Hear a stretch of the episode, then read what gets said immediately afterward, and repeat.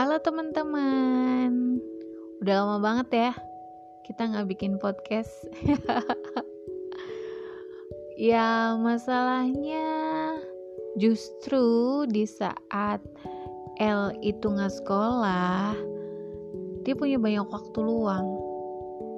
Tapi perbedaannya Waktu luangnya saat dia gak sekolah Itu dihabiskan buat main sama temen-temennya beda. Kalau dulu waktu dia masih sekolah kalau dia punya waktu luang itu seolah-olah dia kayak nggak butuh temen. Karena waktunya itu um, dia manfaatkan untuk membuat suatu karya. Entah itu komik gambar atau pokoknya dia menuangkan kreativitasnya.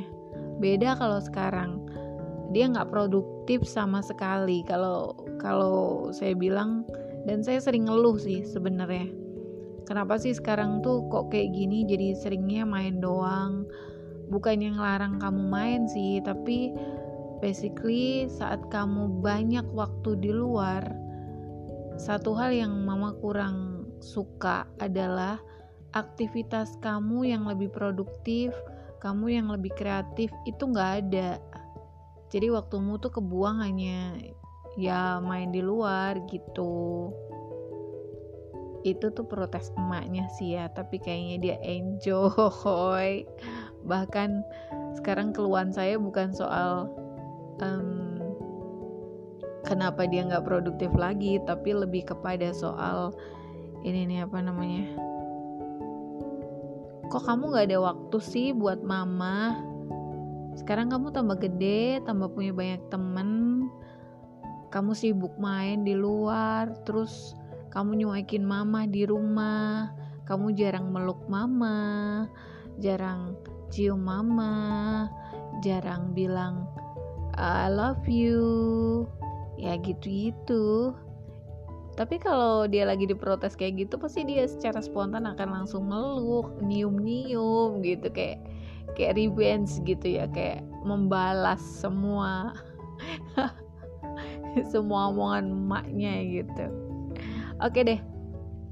Jujur sebenarnya ini saya terima email ini udah dari se tanggal berapa ya? Ya sekitar dua mingguan yang lalu lah. Cuman mau bikin podcastnya tuh lupa tuh lupa lupa lupa terus gitu. Sayangnya juga lagi sibuk ada kerjaan. Dianya juga sibuk. Oke deh saya coba bacain. Hmm, satu email yang masuk ini kayak menarik ya Oke, karena yang kirim email nggak mau disebutin identitasnya, ya kan? Bentar. Uh-huh. Jadi gini, intinya intinya adalah ini seorang mama punya seorang putri yang berkekurangan mengidap tuna oke tuna rungu ya tuna rungu dan tuna wicara. Biasanya berhubungan ya biasanya. Oke deh. Terus katanya sempet minder gitu dan sempet takut membiarkan putrinya ini main keluar rumah. Takut anaknya dibully, takut anaknya ya dihina sama teman-temannya dan banyak kekhawatiran yang lain. Pertanyaan dari si mama yang gak mau disebut namanya, apakah mamanya El juga punya kekhawatiran yang sama? Oh pasti banget, pasti, pasti anyway kalau kalau kekhawatiran kayak gitu saya yakin bukan cuman kita ya Maya kita yang punya anak berkebutuhan khusus. Hampir semua orang tua itu pasti punya kekhawatiran seperti itu terhadap anaknya apalagi di era yang seperti ini. Orang uh, apa ya body shaming ke orang lain orang ngebully orang lain orang mengeluarkan pendapatnya ke orang soal orang lain itu se, -se semudah balikin telapak tangan gitu loh. Yang kadang konsekuensinya itu mereka nggak mikir gitu. Kalau saya sendiri iya saya khawatir. Sangat malah sangat khawatir. Dulu apalagi ya dulu apalagi waktu dia belum sekolah SD gitu saya sangat khawatir sehingga saya melarang dia. Bukan karena saya malu soal kondisi L yang berkekurangan? No bukan karena itu tapi lebih kepada saya takut ada orang yang ngata-ngatain dia. Misalnya kok kamu goblok sih? Karena memang L kan agak terlambat ya um, nalarnya ya kan? Jadi memang kadang kurang TikTok ngobrolnya apalagi kalau orang itu jarang ngobrol sama L sempat beberapa kali ada anak-anak yang kalau lewat di depan rumah tuh ngatain goblok goblok gitu-gitu kan. Saya sempat tersinggung sih sempat sempat waktu itu sempat emosi sempat ngejar juga dan sempat ada beberapa yang um, saya marahi ya. Maksudnya spontan sih ya spontan bahwa eh itu nggak bagus nggak baik gitu. Bagaimanapun kita juga nggak bisa juga kan uh, menerima hal itu. Ya anyway walaupun misalnya anak kita bodoh pun ya orang lain nggak punya hak untuk ngatain anak kita bodoh. Begitu juga sebenarnya dengan kita gitu kan.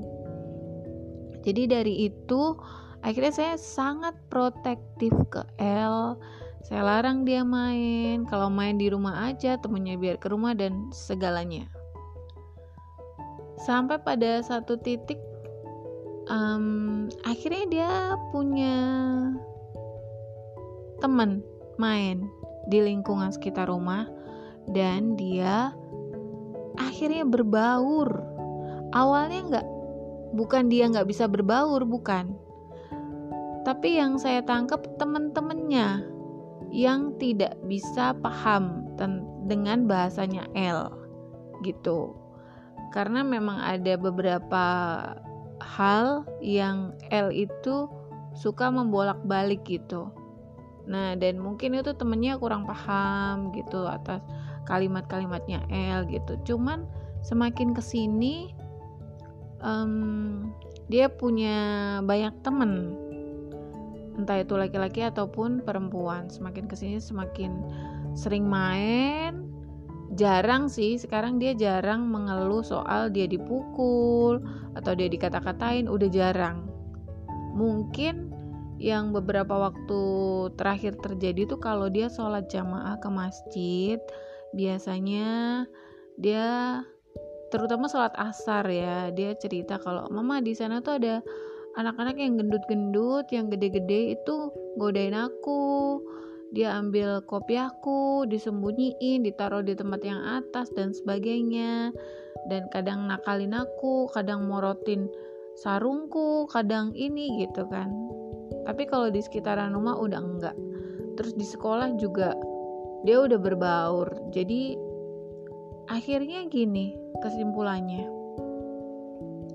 Sebenarnya kita terlalu khawatir itu selain karena memang sudah ada pengalaman ya bahwa anak kita itu mendapatkan bullying dari orang lain selain itu kalau saya personal ngerasa saya kurang percaya bahwa L itu bisa menghandle kalau ternyata dia itu dibully sama orang lain.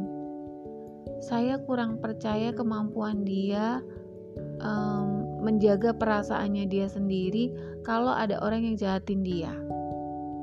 Tapi ternyata sekarang sampai sekarang kekhawatiran saya sudah jauh berkurang karena El sekarang sudah bisa berbaur, bisa TikTok ngobrolnya, bisa ya luar biasa.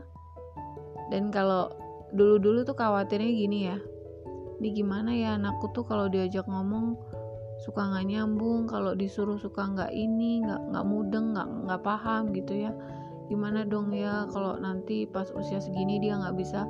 Ternyata nggak, sekarang dia nggak gitu uh, kalau saya bilang mas tolong uh, piringnya habis makan taruh di di tempat cuci tolong dicuci ya dia bisa dia bisa lakuin itu oh ya tolong ya mas ini bantuin mama um, nyapu lantai atau nyapu halaman rumah. Bisa dia lakuin itu dan itu di luar ekspektasi. Itu artinya meskipun anak kita berkekurangan mereka juga bisa bertumbuh kembang layaknya anak lain. Jadi yang perlu kita tanamkan adalah kepercayaan kepada mereka bahwa basically mereka bisa menghandle apa yang mereka hadapi. Dengan catatan kita juga mesti ngasih uh, tahu bahwa apa pun yang terjadi sama kamu kamu cerita ya ke mama gitu. Atau seenggaknya kalau dia habis main kita harus proaktif untuk banyak bertanya ke dia soal tadi dia mainan apa sama siapa aja ngapain aja karena dari situlah seenggaknya kita tahu apa yang dia alami tapi kalau anak nggak cerita terus kita diam aja kadangkala itu juga yang jadi bumerang. Gitu. Jadi semoga kita sebagai orang tua yang punya anak berkebutuhan khusus bisa lebih menanamkan kepercayaan dan bahkan menanamkan percaya diri kepada putra-putri kita bahwa mereka bisa menghandle segala hal yang mereka hadapi di luar sepengetahuan kita. Oke? Oke deh untuk teman-teman yang lainnya, ibu-ibu atau yang punya saudara, punya adik, kakak, atau siapa pun yang berkebutuhan khusus, mau sharing, mau cerita, boleh kok. Silakan ya, bisa kirim di email kita di celotelangit